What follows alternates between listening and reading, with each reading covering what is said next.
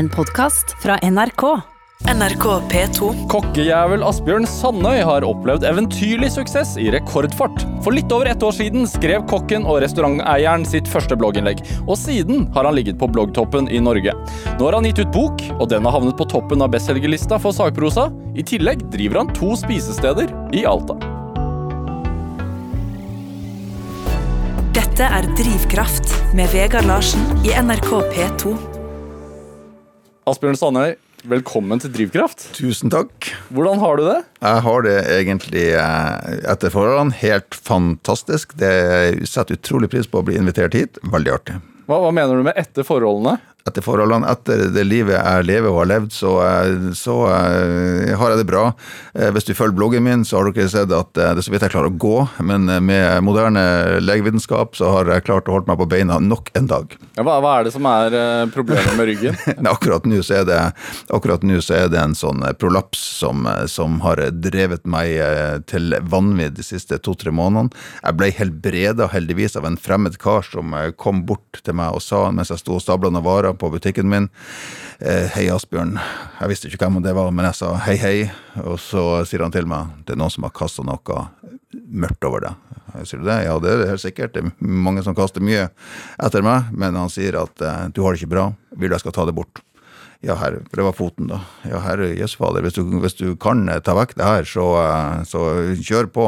Kan du gjøre noe med skuldra mi også, for den er jo også begredelig og grusom. Han skulle prøve, men, eh, men eh, han visste ikke om han klarte skuldra, men foten skulle han i hvert fall klare. Og jeg måtte bare fortelle eh, fødselsdato og sånn, så skulle han prøve. Dagen etterpå så var jeg helt fin i foten, hadde ikke smerter i det hele tatt, og det her, det her er ikke tull, altså. Og, og, og det varte en hel måned uten en eneste smerte i foten. Og når jeg snakker om nervesmerter, alle som hadde nervesmerter, vet hvor intenst det er. Jeg hadde vært plaga med det skuldra i masse år, trodde jeg hadde, var verdens mest lidende person, men det kunne ikke sammenlignes med de nervesmertene. Men han tok det vekk. Og det varte en måned, eh, men så kom det tilbake med full styrke. Og de siste to månedene nå, så eh, Jeg skulle gjerne ringt han igjen, men jeg visste ikke hvem det var. Det var en fremmed mann. Eh, Så Er det, er, er, det det, altså, er det det som Når han sier at eh, noen har kastet noe mørkt over det, er det det som heter ganning? Eller sånn? Ja, jeg tror det. Det, det. Ja, det er vel det. Det var det han sa. Han kalte det ikke ganning, men han sa at det er noen som har kasta noe, noe mørkt over deg. Noe ondt. Noe ondt. Nei, noen som har kasta noe ondt over deg, sa han. Hva, hva, er gan, hva er ganning? Siden jeg, Ganning er vel, eh, er vel noen som kaster onde tanker og vil deg ondt, eh, tror jeg. Men det, det er mer mellom himmel og jord. eh, Men, eh, men, eh, men nok om det. Nå er moderne legevitenskap Hold meg på beina, så eh, det er veldig hyggelig å være her i Oslo. ja, det er veldig hyggelig å ha deg her. Eh, du skulle jo vært der Du skulle egentlig eh, kommet hit i går, Ja. men så var det Hva var det? Var det en måke som var Ja, det er sikkert noen som kasta noe av meg, så det fløy en måse rett inn i eh, ene motoren på, eh, på flymaskinen. Så vi ble sittende der i eh, time etter time, og så plutselig så ser jeg at kaptein, Og Alta eh, flyplass, eh, Alta flyplass, ja. Så kapteinen eh, tar sin snippsekk eh, og går ut av flyet. Da skjønner jeg at nå er løpet kjørt, nå er det bare å ringe til kjæreste og, og ferde hjem. Han gikk først. Han, ja, han, kom, eh, han gikk først ut av flyet, og slu, slukøret luskende ut av flyet. Og så syns jeg det er så hyggelig eh, å få besøk av en eh, voksen mann som har med seg moren sin. Ja, mamma med mamma. Jeg har ikke sett mamma på et år. Og uh, vi var jo God på God morgen Norge i, i går, men pga. den jævla måsen så kom ikke jeg med. Men mamma hun stilte opp alene på God morgen Norge. Hun er 64 år. Og jeg stilte opp på sånn FaceTime hjemme ifra, ifra, ifra Alta, så det er fantastisk. Og vi har et, et, et nydelig, vakkert forhold, for, forlag, Kagge forlag, som, som ønsker at hun mamma skal De betalte henne en dag ekstra for at hun liksom skulle få være mest mulig i lag med meg. Så hun har vært med meg nå på Nitimen, og så er hun med nå her på Drivkraft, og skal være med meg på forlaget, og skal være med meg ned til Aftenposten. Og mamma, eh, jeg setter veldig pris på det forlaget har gjort. Ja, han sitter, sitter ute i kontrollen her nå og hører på deg, så det, det Ja, er ja. veldig bra. Uh, nei, men jeg er jo ikke her for å snakke om ganning, egentlig. Men Sandøy, eh, dagens blogg eh, Du er jo, altså På rekordtid så ble du en uhyre populær blogger, og i dag så gikk jeg inn på bloggen din og kunne lese at uh, nå skulle du gi opp sosiale medier, men det var bare tull, sant? Nei, det var ikke tull. Jeg sa jo at jeg skulle ta en pause fra sosiale medier, og det har jeg gjort. Jeg har vært to timer nå eh, helt, eh, helt uten sosiale medier. Eh, Det eneste jeg har sett på SMS, så har det vært godt med en pause. Jeg hadde godt av det. Det har vært mye pes i det siste. Så nå er jeg klar for å ta, ta og kjøre fullt på igjen med både blogg og Facebook og Instagram etter den deilige, skikkelig deilige pausen jeg hadde. Det er Er det Altså, jeg forbinder jo blogging og å havne på toppen av bloggtoppen med, med unge jenter. Unnskyld at jeg sier det, men er det helt feil? Uh, nei, altså helt i toppen så, så er det er det nok eh, Det er feil å kalle dem for jenter. Jeg ville kalt det for unge damer, egentlig. Ja, unge damer ja, er det kanskje. Ja, helt riktig. Ja, det, det er unge damer med bein i nesa som, som har regjert Det er veldig mange voksne som, som blogger, men det, er vel- det er de, de unge, unge damene som, som kanskje har regjert eh, i toppen. Eh, Helt til det kom en tett mann, eh, 42,5 fra Alta, og bare bare føk rett inn på førsteplass på tre dager, og siden har jeg vært der. Hva var det Altså, hva var hva fikk deg til å, å gå, gå, mørke, gå over til den mørke siden, holdt jeg på å si? Nei, altså jo, jeg har jo skrevet på Facebook i mange år og delt eh, livets eh, opp- og ned, eh, nedturer der, liksom. Og mange har jo oppfordret meg til å blogge, men jeg har liksom følt meg komfortabel på Facebook. Trygt og godt, og jeg har liksom kunnet liksom skrevet mange innlegg om dagen hvis jeg ville. Ingen hvis jeg har eh, ikke ville det. Blogging har for meg vært Jeg har også vært sånn fordomsfull overfor blogging. Hvorfor tror du man er det? Jeg vet ikke, det, er- det er jo det du sier, de er, det er sånn sminke og alt mulig sånn, og det, og det er jo liksom dem som, som, som, som er fronter, da, som mediefronter, og eh, det er jo de her som driver på med det her. Det ser du jo også nå, selv om jeg har, eh, har eh, Norges, den boka som solgte aller, aller mest i hele Norge, så er det ikke en eneste stor avis som har, som har anmeldt den. Mens Sofie Elise, for eksempel, som på ingen måte eh, hadde en bestselgende bok. Hun ble anmeldt med en gang av VG og Dagbladet. Så det er jo, det er jo media som eh, Sitter du her i P2-studio, så du skal ikke klage? Nei, jeg klager overhodet ikke. Jeg klager overhodet ikke. Jeg, bare, jeg bare sier at, eh, at det, det, er, det, er den, det er symptomatisk at de unge damene som skriver om de, sine interessefelt, får mer oppmerksomhet enn eh, selv om de kanskje har færre lesere. Eh, så det er det. Hvem, hvem er leserne dine, vet du det? Eh, Ja, det vet jeg veldig godt. Eh, Jeg vet ikke nøyaktig lesere på, på bloggen, men, men jeg vet på Facebook så er det jo 70% damer og 30 menn. Eh, og så er det den største lesergruppa er kvinner 25 til Nei, 35 til 45 er den største lesergruppen. Og så kommer eh, 45 Jeg husker ikke helt så nøyaktig, men det er i hvert fall eh, 70% er damer. Vet, vet, du, eh, vet du hvor mange som er innom?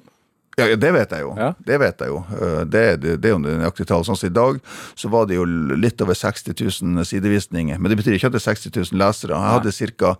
Ja, 55 000 unike lesere. Og så har de kanskje vært på flere blogger, så blir det da 60 000. Så i dag var det ca. 55 000 som eh, Like mye som Tromsøs befolkning, ca. Ja. det er ganske sjukt. Vet du, eh, hvorfor tror du det er flest damer, da? Uh, nei, look at me. Det er den, den kjekke mannen, ikke sant?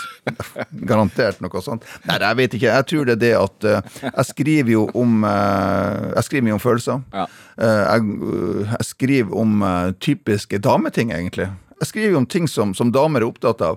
Jeg skriver om farskap, og det er jo menn som er opptatt av det også, så egentlig så burde jo mer menn lese meg, men jeg skriver mye om det indre. Hvordan, hvordan det er Hvordan livet hvordan livet er. eh, Det er vanskelig å forklare. Jeg tror jeg skriver litt eh, om ting som tradisjonelt har vært dameting. da. Ja. Hva, hvor var du Hva var det som fikk deg til å skrive det første innlegget, da? Husker du det? Ja, det husker jeg. Det, det første innlegget det heter eh, 'Vær hilset Norge'. Jeg er litt sånn stor og pompøs, og i hvert fall kokkejævel er det. Asbjørn Sandi er mer sånn stille og sjenert. Men eh, når jeg tar på meg kokkejævelskjorta, så blir jeg ikke brautende, men, eh, men jeg blir høylytt og eh, har veldig god sjøltillit. Og eh, Er du kokkejævel i studio, eller er Ja, nå er jeg kokkejævel i studio. Nå har jeg på meg den her. Hadde jeg tatt på meg en annen skjorte, så hadde jeg ikke sagt så mye. Altså. Nei da. Men, eh, men ja, det, i hvert fall i begynnelsen eh, så har eh, kokkejævel hjulpet han Asbjørn veldig mye til å være frampå. Og eh, det å eh, få trua på at, eh, på at jeg betyr noe, mine ord betyr noe. Jeg er like god som de andre. Jeg hadde en veldig, veldig, veldig veldig lang barndom der, der, jeg, der man etter hvert mista trua på, på seg sjøl. Eller ikke mista trua på seg sjøl, men det var utenforskap, det var ensomhet, og jeg lærte meg å leve et liv alene, egentlig. Og da er det veldig lett for å tro at man ikke er noe. Men uh, kokkejævel har blant, blant annet kokkejævel har hjulpet meg til å, å, uh, å uh, bevise overfor meg sjøl at jeg er akkurat like mye verdt som, som, deg. Og det har ikke vært en selvfølge bestandig. Nei, Måtte det til for å liksom våge å skrive? Nja ja, det er klart skrivinga har gitt meg Folk sier til meg at eh, Eller jeg er ganske flink å skrive. Jeg tør å si det. Jeg er ganske flink å skrive. Jeg klarer å skrive sånn at, eh, at leseren blir engasjert hvis jeg vil. Jeg klarer å skrive eh, trist hvis jeg vil det. Jeg klarer å skrive artig hvis jeg vil det. Så det gir meg sjøltillit. At jeg, jeg, kan, jeg kan skildre livet Jeg kan skildre livet sånn som det leves på en god måte, skriftlig. Mora di sier på bakrommet her, sier produsenten på øret mitt nå, at det er arvelig, sier hun. Det, det å være god til å skrive. ja, ja, ja. Jo da, det, det, det, er mange som skriver familien, eh, så eh, så, nei, da, så det har gitt meg sjøltillit. Også det at jeg liksom begynte på um, kokkelinja. Det var veldig viktig for meg. Det står jo, det kan du lese alt om i boka. Mm. Uh, men det at jeg jeg levde, hele ungdomstida så gikk jeg Jeg visste ikke hvem jeg var. Jeg jobba der, og jeg ante ikke hva jeg skulle gjøre. Jeg var hele tida på søken, søken, etter et eller annet som jeg ikke ante hva var.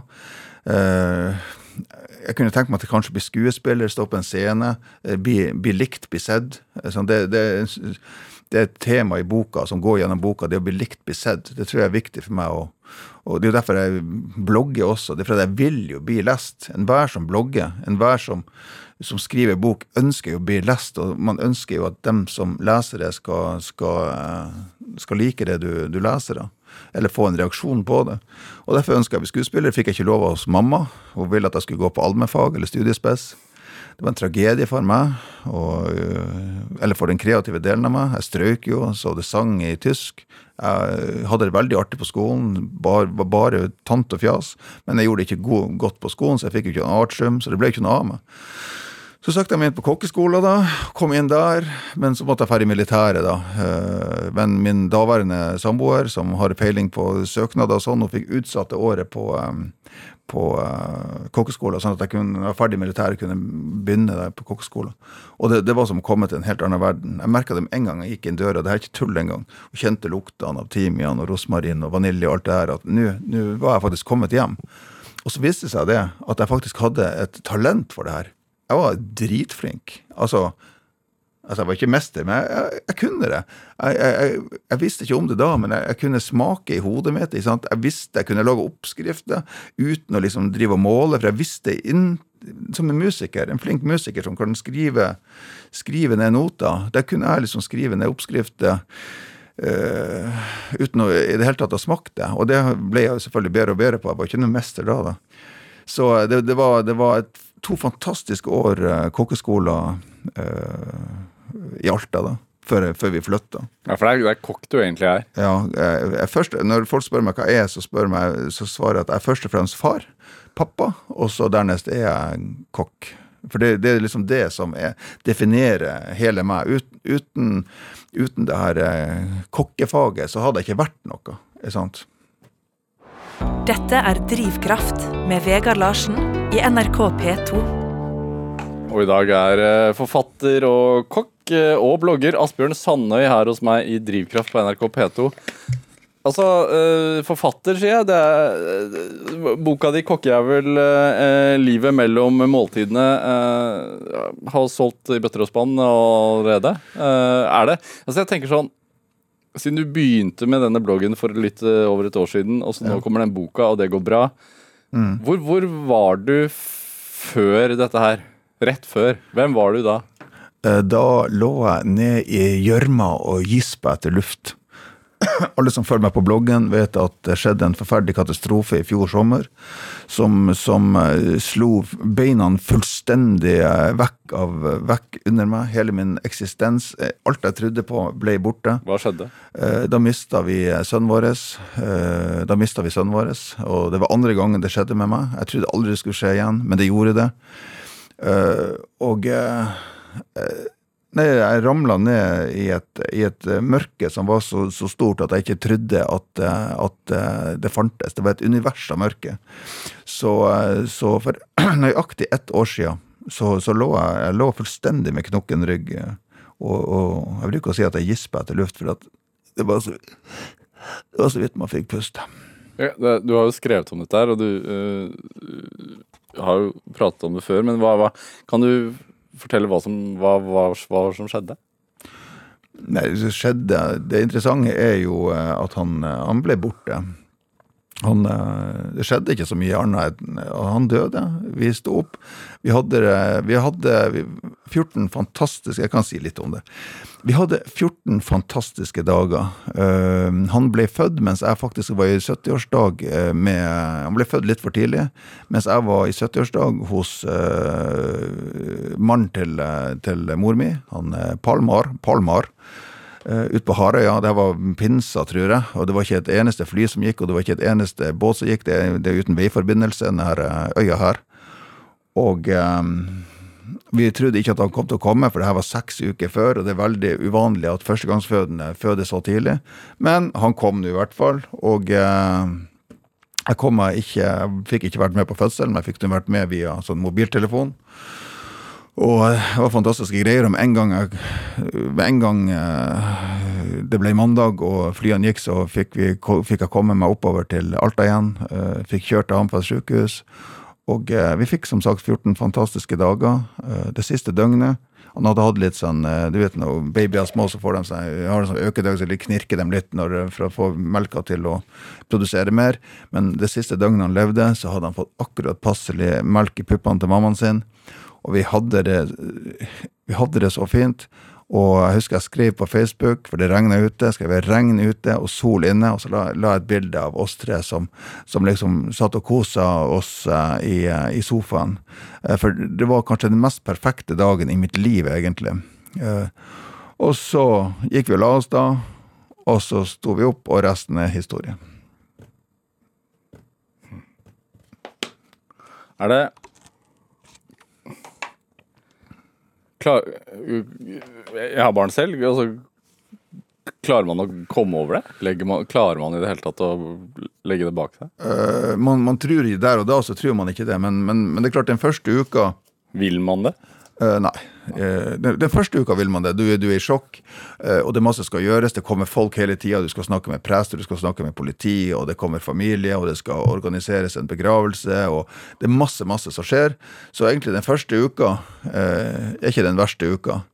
Den verste uka er etterpå, når, når tomheten virkelig slår innover deg, og, og, du, og du, virkelig går innover deg at, han, at han er borte. Eh, da er det, det, For meg, i hvert fall. Jeg kan ikke snakke for alle. Eh, det skjedde I fjor så skjedde det vel med seks svensker. Det er veldig veldig sjelden at det skjer. Er det krybbedød? Eller? Ja, det, han ble konstatert krybbedød. Eh, og det, det, det, betyr jo bare det at de ikke finner noen årsak. Det er ukjent årsak. Så det er veldig sjelden at det skjer. Nei, du vil ikke, du vil ikke leve. Jeg, men jeg har ikke lyst til, jeg er ikke suicidal, så jeg har liksom ikke lyst til å, å dø heller. Men jeg har ikke lyst til, man hadde ikke lyst til å leve videre. Men, men, på et eller annet vis har vi liksom klart oss. Bloggen har hjulpet meg veldig i den prosessen. Jeg starta bloggen i, um, i uh, september i fjor, og fikk jo en uh, umiddelbar suksess. Og med den suksessen så fikk jeg noe annet å tenke på. Plutselig så handla det litt om lesertall, ikke sant. Uh, jeg er veldig glad i å skrive, og jeg fikk fokuset bort fra noe annet. Og med denne bloggsuksessen så, så kom, ble det også uh, i begynnelsen mye, mye, fokus fra media. Jeg ble kontakta av TV 2 og God morgen Norge og Farmen kjendis og alt mulig sånn, som, som gjorde at um, at man fikk noe annet å tenke på. Altså Sorgen ble ikke borte, men du klarte, du klarte å få, få, noen minutter i løpet av dagen som, som gjorde at, at, du klarte å tenke på noe annet. I begynnelsen så er det jo liksom bare bare det eneste, akkurat det sekundet like før du sovner, som er positivt i løpet av en sånn dag. Akkurat i like, Du er fortsatt bevisst, og så du kjenner at nå sovner Det er et vakkert øyeblikk. Og det er det eneste vakre øyeblikket du har etter at noe sånt skjer. Det eneste du lengter etter natta. Vær så snill, kan dagen bli over? Kan jeg Marit gå over? Få sove? Men så har du jobb, du har andre unger, så du kan ikke bare ligge der og sove. Du har to bedrifter å ta deg av.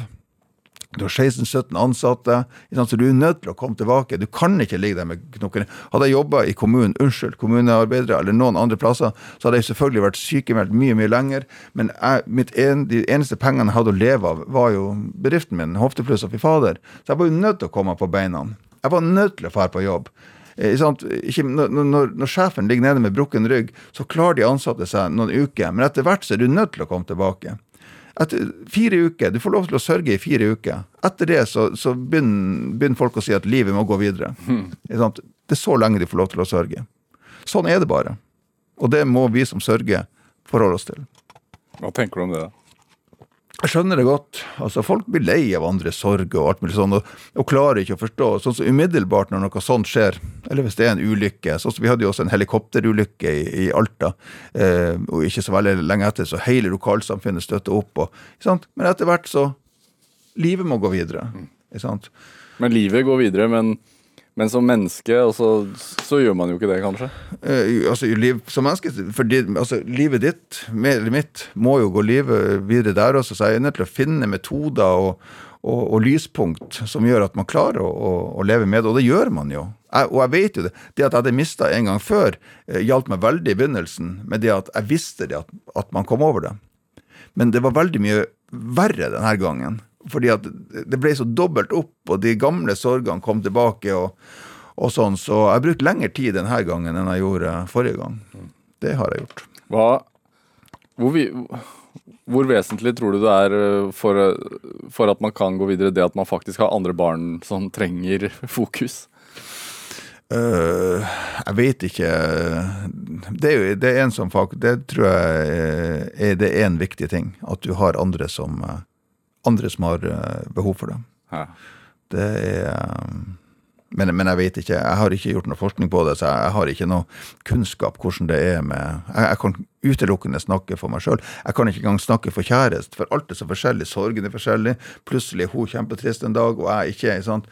Så eh, det er veldig mange som Og det har vi hatt fokus på. For det er utrolig mange som mister, som også mister hverandre. Mm. Fordi at eh, det er så lett at sorgen blir sånn altoppslukende. Men vi har klart oss, vi har hatt fokus på det. Vi har, har hatt veldig fokus på latter, det å komme oss bort. Sånn som jeg har vært så heldig og blitt invitert ned til Oslo, både med tanke på boka og media og sånn, så har jeg tatt henne med meg. Sånn at hun også skulle få Både for at jeg ikke ønsker Jeg har ikke lyst til å være alene, jeg klarer meg ikke uten henne. Det er grusomt nå. Det er første gangen jeg er uten henne siden han ble født, eh, faktisk. Så, eh, så eh, Men sant, å ha andre ting å, å tenke på. Mm. Det er viktig. Er det Blir man ekstra engstelig for å få flere barn etterpå? ja, nå er jo hun gravid. og du må få flere barn. Og når jeg sier du, så snakker jeg igjen for meg sjøl. Jeg kan ikke snakke for andre. Men uh, du må få flere barn. Det eneste som kan, uh, som kan rette opp den forferdelige, grusomme situasjonen du har havna i, er et barn til. Jeg syns det er vanskelig å si et barn til en, kattunge til. Altså, det er ikke sånn. Men det er det eneste som liksom klarer å uh, få liv i balanse igjen. det er at hun blir gravid igjen, og nå er hun gravid. Og, men det er klart, tenk på alle Man er jo så Klart man er nervøs. Hun har vært gravid en gang før uh, i mellomtida, og da slutta hjertet å, å, å, å, slå inn i magen hennes. Hun ble gravid igjen. Vi holdt veldig Vi fortalte det ikke før det var gått veldig lang tid.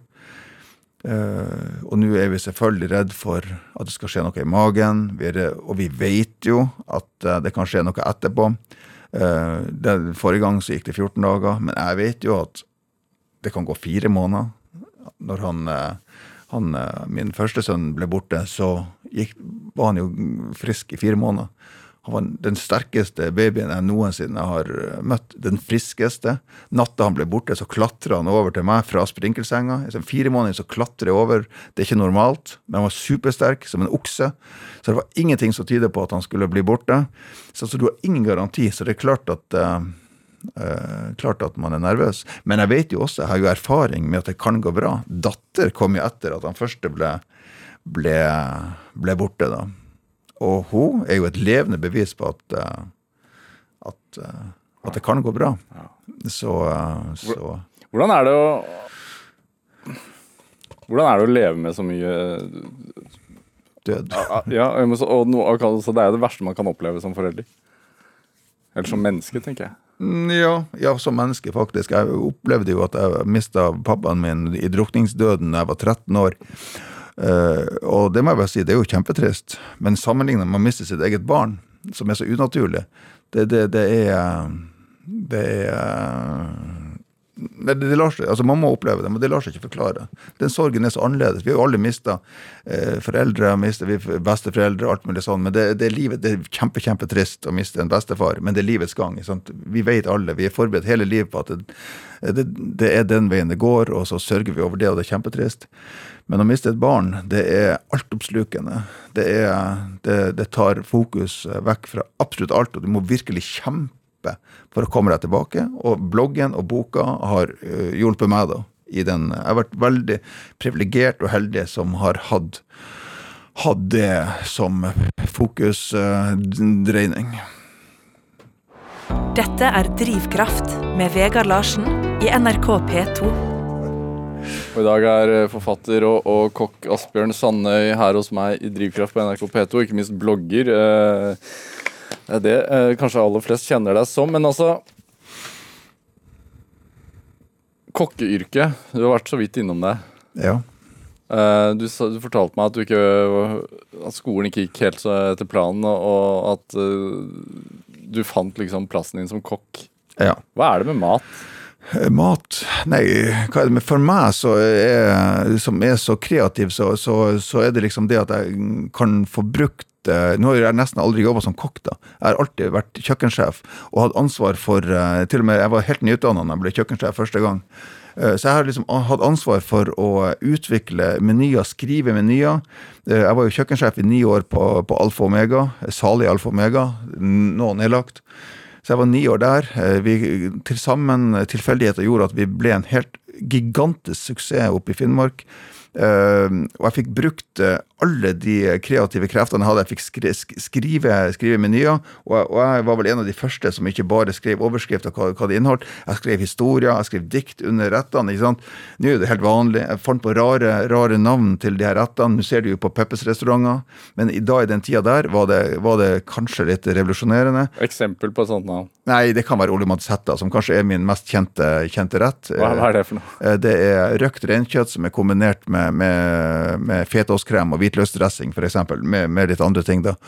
Og, og det, nå I dag høres ikke det rart ut, men, men i den tida der, å blande fetaost og ren, ren, reinsdyr og hvitløk vet du, Det var helt absurd. og Det var så vidt folk torde å smake på det, faktisk. Ja, det, det er helt sykt. Og, men eh, kombinasjonen er fantastisk, og, eh, og, det ble en kjempesuksess. Og på, på, et eller annet tidspunkt så Når var dette? Eh, 2004 ja. ble vel han født. Og den ble så gigantisk svær, den Ole Mattis-retten, at, at, vi hva, hva kommer det navnet Ole Matsetta, nei, det var liksom for å finne et sami, samisk Jeg vil ikke kalle det for røkter. Røkter reinkjøtt med fetaost. Altså. Så jeg vil liksom finne et samisk navn som, som ingen heter. Og, eh, og, den ble så stor, den retten der, at jeg fikk, klarte til og med å få ordføreren og biskopen til å døpe Ole Madis Hetta oppi, i, oppi i, Altaelva. Så selveste biskopen har døpt han. Så nei, Hva mener du? Døpt? Ja, døpt han. Døpte retten? Ja, døpte retten. Ja, vi for opp til Sautso, øverst oppe i Altaelva, og biskopen, selveste biskopen, og, og ordføreren var gudmor. Så uh, Dåpen heter den. Vi har, det er film av den, det kan dere bare søke opp på YouTube. Dåpen heter den. Hvordan foregikk det? Nei, det var som en vanlig dåp. at han, uh, Biskopen han døpte han i de, de kulinariske ånders navn, eller jeg husker ikke hva han sa. Og så hadde han liksom Ausa han Altaelva da rundt. Og så fikk jeg, hadde vi en, en sånn, eh, sånn eh, brodert dåpskjole. Og nei, det var en fantastisk seanse, der. Du må se den eh, filmen, altså. Kun i Alta. Ja, ja, det det- faen fint for sant. Er det Altså, eh, men hadde du et godt forhold til mat på hjemmebane allerede? Altså, Hvordan er matkult, var matkulturen i ditt uh, barndomshjem? Nei, øh, det skriver jeg litt om. Et av kapitlene i boka heter 'Pappas koteletter'. Øh, Og jeg hadde et ambivalent forhold til han pappa. Øh, Det står det også om i boka. Skal, jeg tror ikke vi rekker å gå innom det nå. Det vet jeg ikke. Men han pappa var fantastisk flink å lage mat. Jeg hatet han som liten, men han, men han var enormt flink å lage mat. Han lagde hjemmelagde pølser, og alt var hjemmelagd. Blod, blodmat, klubb. Og eh, et av mine sterkeste barndomsminner er liksom den lukta som siv, siva opp på soverommet etter at vi var lagt oss, og de liksom skulle kose seg ned i stua. Pappa hadde lagd noen koteletter, veldig glad i koteletter. Så lå vi der, og så satt dem og kosa seg, kosa seg der oppe mens vi lå og sov. Og jeg tatt meg, og det var jo helt forferdelig, det er jo nesten barnemishandling øh, å, å gjøre sånn mot ungene sine. Men jeg har tatt meg sjøl mange ganger og gjort det samme mot mine egne barn. Endelig var ungene i seng, sant? og klokka var åtte-ni, og, og man trodde at de sov. Og så går man ut på kjøkkenet og så lager man seg noe godt, sant? og så kommer de ned og 'Pappa, jeg vil også ha'. Så, øh, Så de, ja, for de har fått wienerpølser. ja. For du kan si hva du vil, man elsker ungene sine, men noe av det beste med å ha unger, det er å legge dem. Altså, altså det er jo det. det er jo, akkurat når ungene er lagt, da, da er det da er det parenthood eh, on, on its best. Altså går det en time, da, så savner man dem. Ja, ja, man gjør det. Men akkurat i dem, du vet du har gitt dem vann, og du har lest dem, og du har tatt eh, Og når de har kommet og sagt 'jeg er tørst', og, og du har ordna alt, og så setter du deg i sofaen, åh, det er så deilig. Men altså øh, hva- hvordan, hvordan var barndomshjemmet, da? Altså, du, du sier at du hadde et ambivalent forhold til faren din. Hvorfor det? Nei, det var mye rart. Jeg skrevet om det i boka. Det var, det var alkohol. øh, Det var det var øh, han pappa Jeg var ikke pappa siden jeg var liten. Han trodde at jeg var øh, ungen til en annen mann. Så han han, han han likte meg ikke. Pappa likte meg ikke. Og det førte til at jeg hater han da. Jeg var bitte liten og ønska at han skulle dø. Eh, først nå i voksen alder har jeg funnet ut hvordan går det an at en så liten gutt kan hate far sin så inderlig, uten at faren egentlig har gjort for det var ikke noe misbruk eller noe, det var aldri noe sånt i vårt hjem. Så, så eh, at en liten gutt kan hate far sin, og det har jeg fått svar på. Han, han forskjellsbehandla meg og bror, broren min så voldsomt da jeg var veldig liten. eh, at, eh, og det gikk inn på, og det husker ikke jeg, men jeg ble det fortalt i ettertid. Hvordan merket du det? da? Eh, nei, jeg husker jo ikke det. Eh, men det kunne være at han f.eks. kosa med min bror, men ikke med meg. Og det merker jeg jo, det blir jo veldig sårt for en, eh, en liten unge. Men etter hvert så fant vi jo ut at, og han også, at jeg var var, var hans unge. Og, men allikevel så var forholdet ødelagt. Og først helga før han døde, klarte vi vel egentlig å få et normalt far og, og sønn, sønn forhold. Så når han døde da, tredje juledag da jeg var 13 år, så, så var, det, var det greit. Da var han pappa død, ja vel, men eh, jeg hadde i hvert fall endelig liksom ordna opp i han da. Og jeg har eh, hatt mye kontakt med han i ettertid, da, etter at han døde.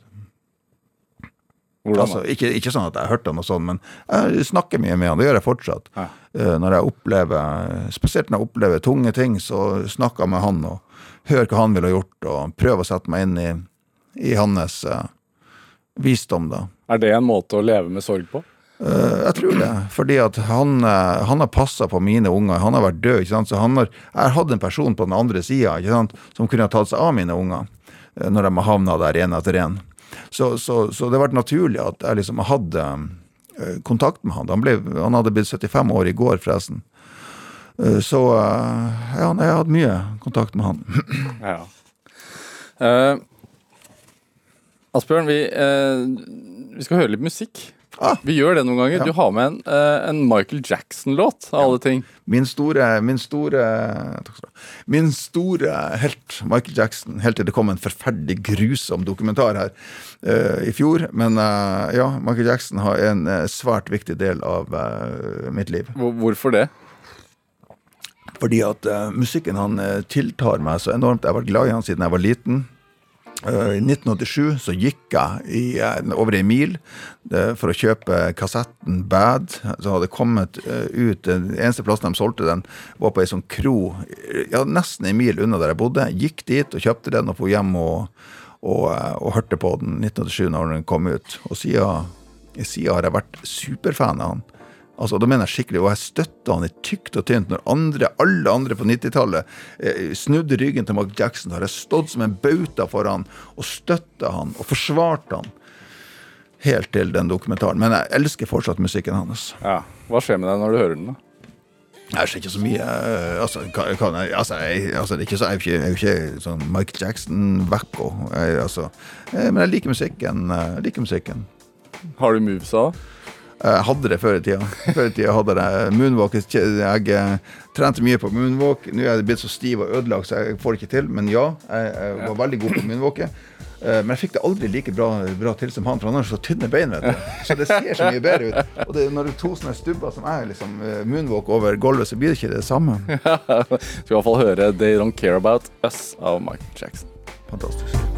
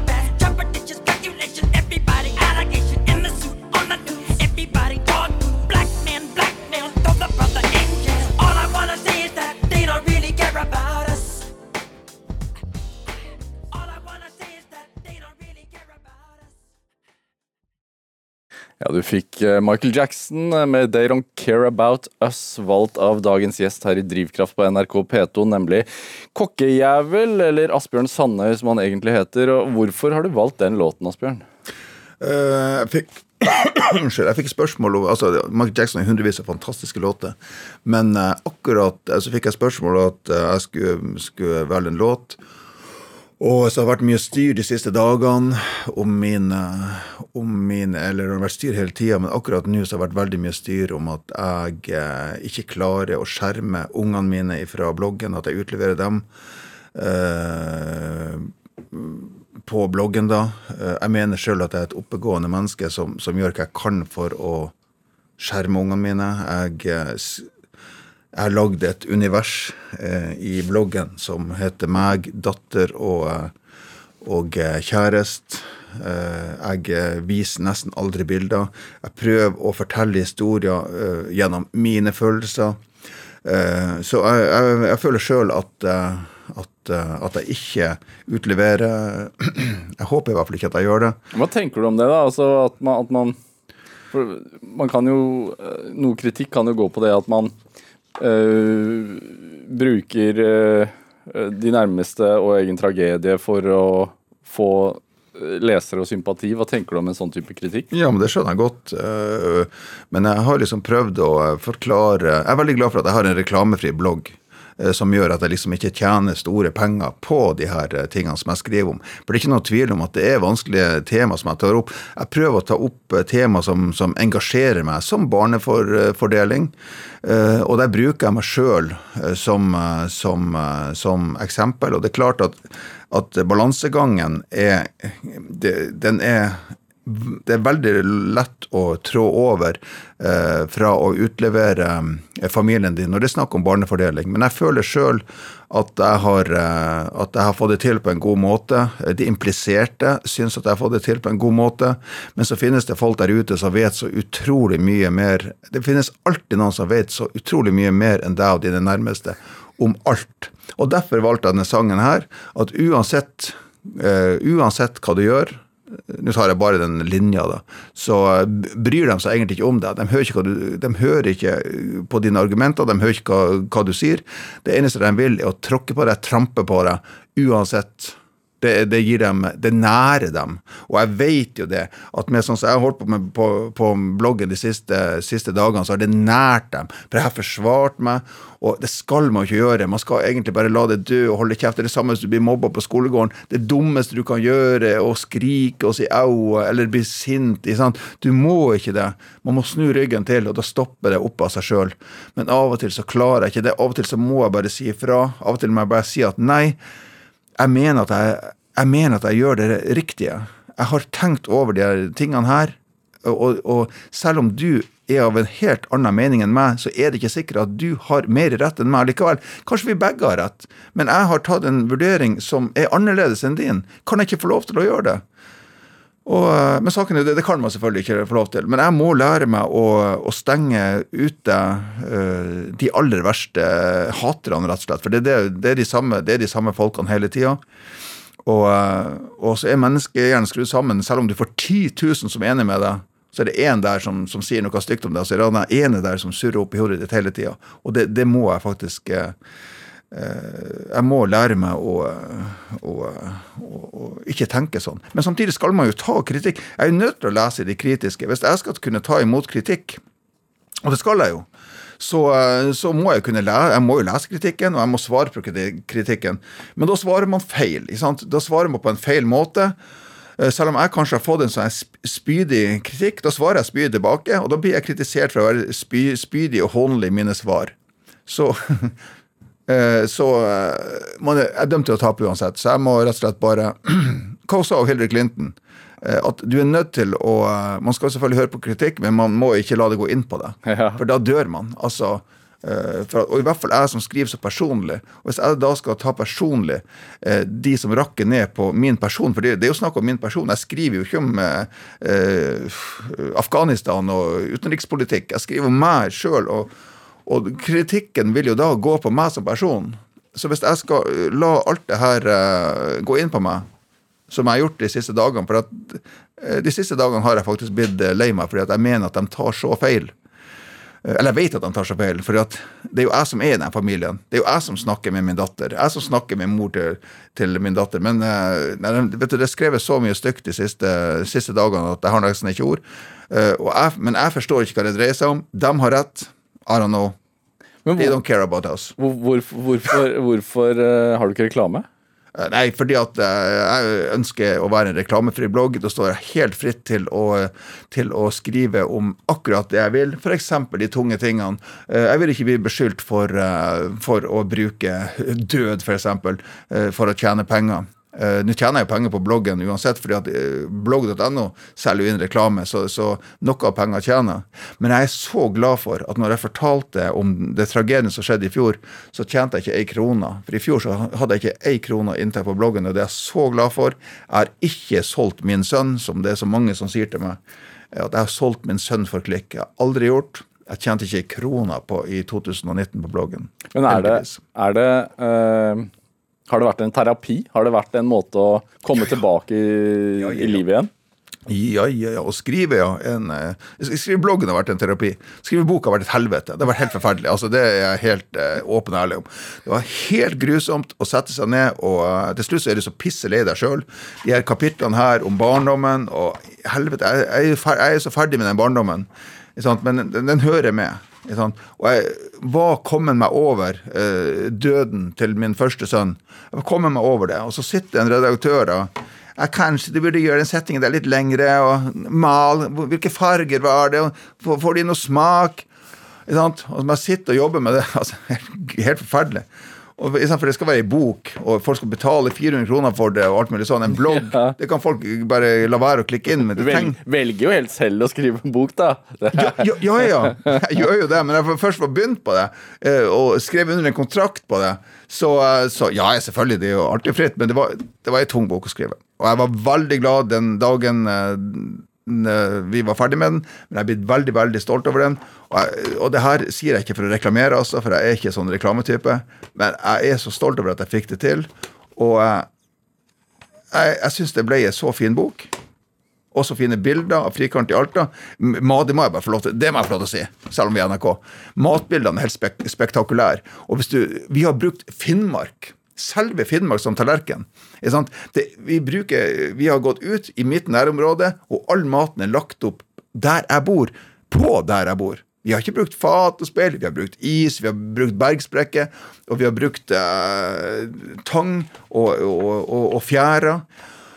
Og vi har prøvd å se på Instagram og, og rundt omkring. Eh, Det finnes ingen sånne bilder i verden. tror du at eh, Altså, du driver jo to spisesteder i Alta nå. eh, Hoftepluss og Fy fader. Ja. Er det er, altså, er det noe typisk eh, Alta-mat, eller Finnmarksmat, altså, Ja. som man ikke får, får her nede i hovedstaden, f.eks.? På Hoftepluss så er hele menyen uh, lagd av reinsdyr. Eh, For to år siden så tok jeg et valg. Jeg hadde jo mange andre retter før i tida, men for to år siden så tok jeg et valg. Jeg vil bare servere rein. Når du kommer til oss, for vi er ikke noen restaurant, vi er ikke noen fin restaurant, vi er et enkelt eh, spisested, så, eh, og vi har enkle Vi har et lite kjøkken, og vi har eh, både faglærte kokker og skoleelever som jobber hos oss, så vi må satse på smaken. Smaken av Finnmark. Eh, vi kan ikke lage fancy mat, men vi kan lage den beste maten fordi at vi har den beste råvaren, og alle rettene våre er Hva er smaken av Finnmark, da? Det er jo reinsdyret. Ja. Ja, det er rein. Men altså, det er litt problematisk, tenker jeg, for jeg er jo glad i å lage mat. eh, men her nede så får jeg nesten bare tak i sånn reinsdyrskav. Eh, ja, men nei, du, dere får tak i steik også. Ja, får tak i steik også, kanskje, Ja. men Og, nå etter eh, Nå får dere tak i, eh, i, eh, i, i filet og sånn også, men du, du trenger ikke noe mer enn det skavet. Det skavet der er kjempegodt hvis du bare koker det. Av og til kan det være fantastisk godt, men får du tak i steik, så er det, så er det godt hjulpen. Det er mørt og deilig kjøtt, og det er klart at Men det er klart, du får tak i rein. Ja. Hva du spurte om, egentlig? det, du, jeg er så fascinert, fordi mens du sitter her i radiostudio, så holder du på med å tekster meldinger, og rett før vi gikk inn her, så tok du en telefon om noe fisk som skulle bæres et eller annet sted. Altså, Ja. Det er noe multitasking på gang hele tiden. Ja, det er så masse som surrer opp i hodet mitt.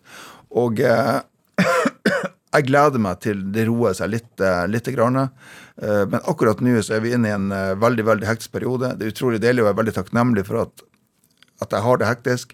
Men det er klart, det, det, det, begynner, å, det begynner å holde. Det er nok nå snart. Men hvordan er det å drive to spisesteder samtidig som man skal skrive bok og være på turné og skrive blogginnlegg hver dag? Også, hva, når starter arbeidsdagen din? Eh, Nei, jeg står opp eh, mellom Ca. Cirka halv fem står jeg opp.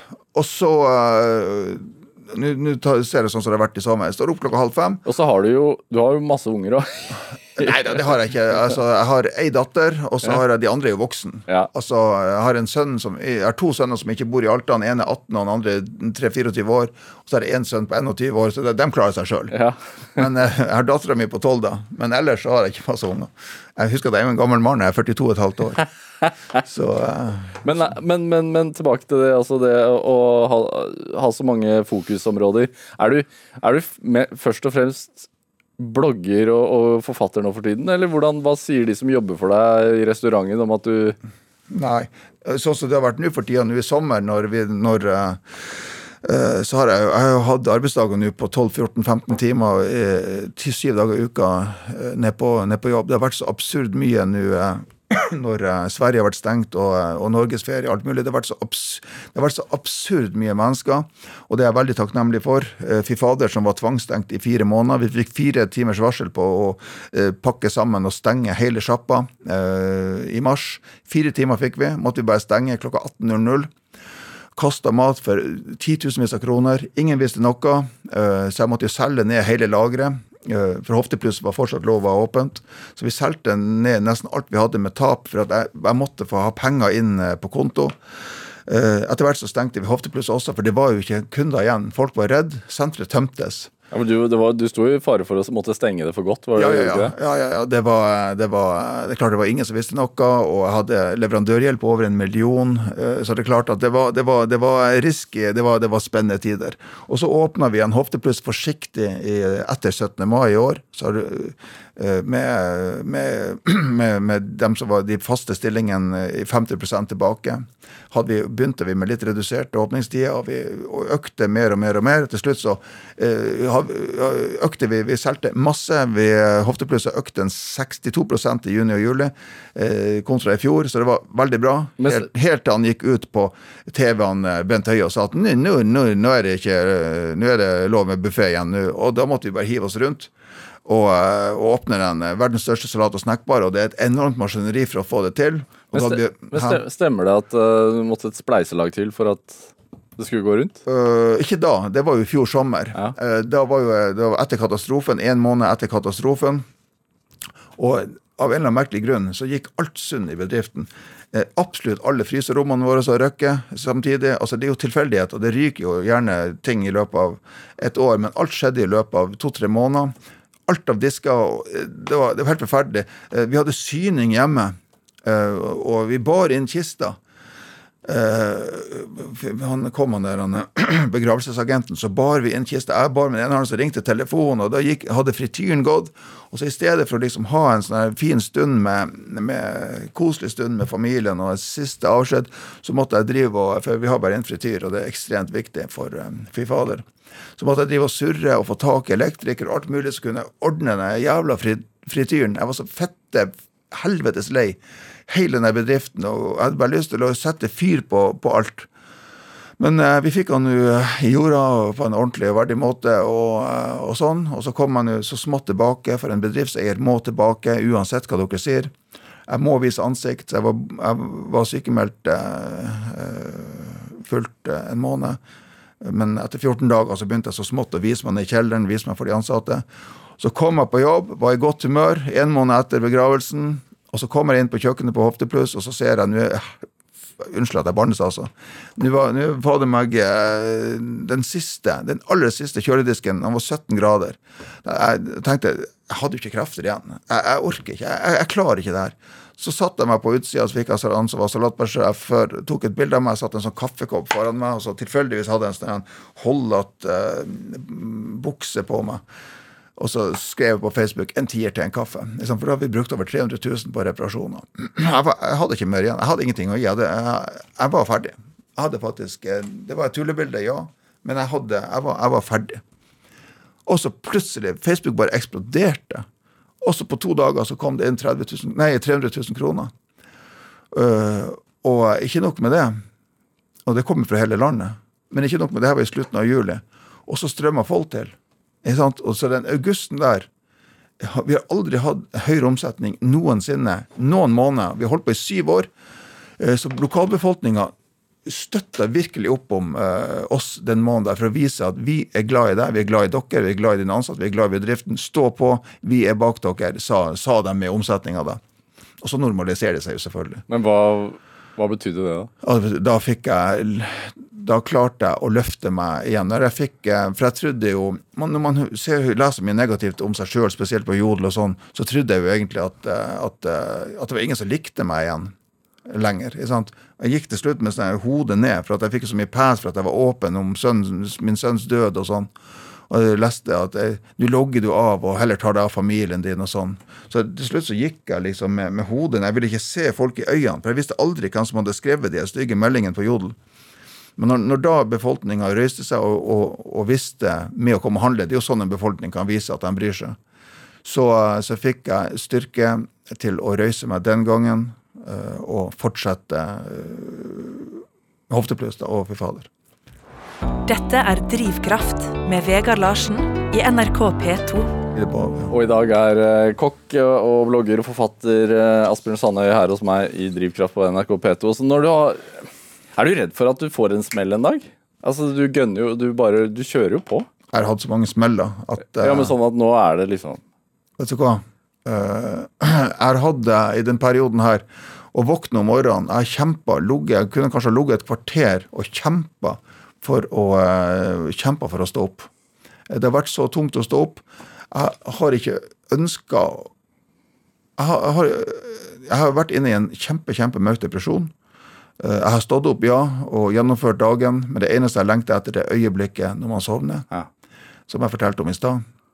Eh, Så jeg, jeg tok det grepet, jeg var åpen om det på bloggen, jeg gikk til legen og sa at jeg klarer ikke mer.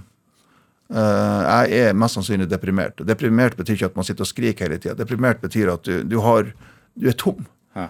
Eh, har du noe kjemi å gi meg? For jeg orker ikke psykologer. Sånn. Jeg, jeg, jeg klarer ikke psykologer. Har du noe kjemi å gi meg? Jeg har veldig tro på kjemi. Så sier han ja, det har vi kanskje, men jeg vil anbefale at du, at du kombinerer det med psykolog og, og sånn bla, bla. Ja, ja, jeg lover jeg skal, skal bestille psykologtime. Eh, Det gjorde jeg aldri, da. Eh, Jo, jeg har vært, vært litt hos psykolog, da. Men så fikk jeg kjemi, og så uh, fikk jeg en tablett. Og så begynte jeg å spise den hver morgen. Og det gikk tungt å stå opp. Helt forferdelig. Kjempa meg gjennom dagen. Og så, tre og en halv uke tok det, så var det som å skru på en bryter. Oi! Nå, vet du hva, nå har jeg faktisk lyst til å stå opp. Nå gønner jeg på her. Nå trives jeg i livet mitt. Det her vil jeg fullføre. Uh, Nå skal vi få de bedriftene opp å stå. Vi skal få denne boka ferdig. Vi skal uh, Skjønner du? Og jeg tuller ikke. For at uh, når du har, er deprimert, så er det, er det et stoff i hjernen som du mangler. ikke sant? Og det er ikke noe å skjemmes over. Det er det samme som at du mangler jern. ikke sant? Så mangler du et stoff i, stoff i, i, i hjernen.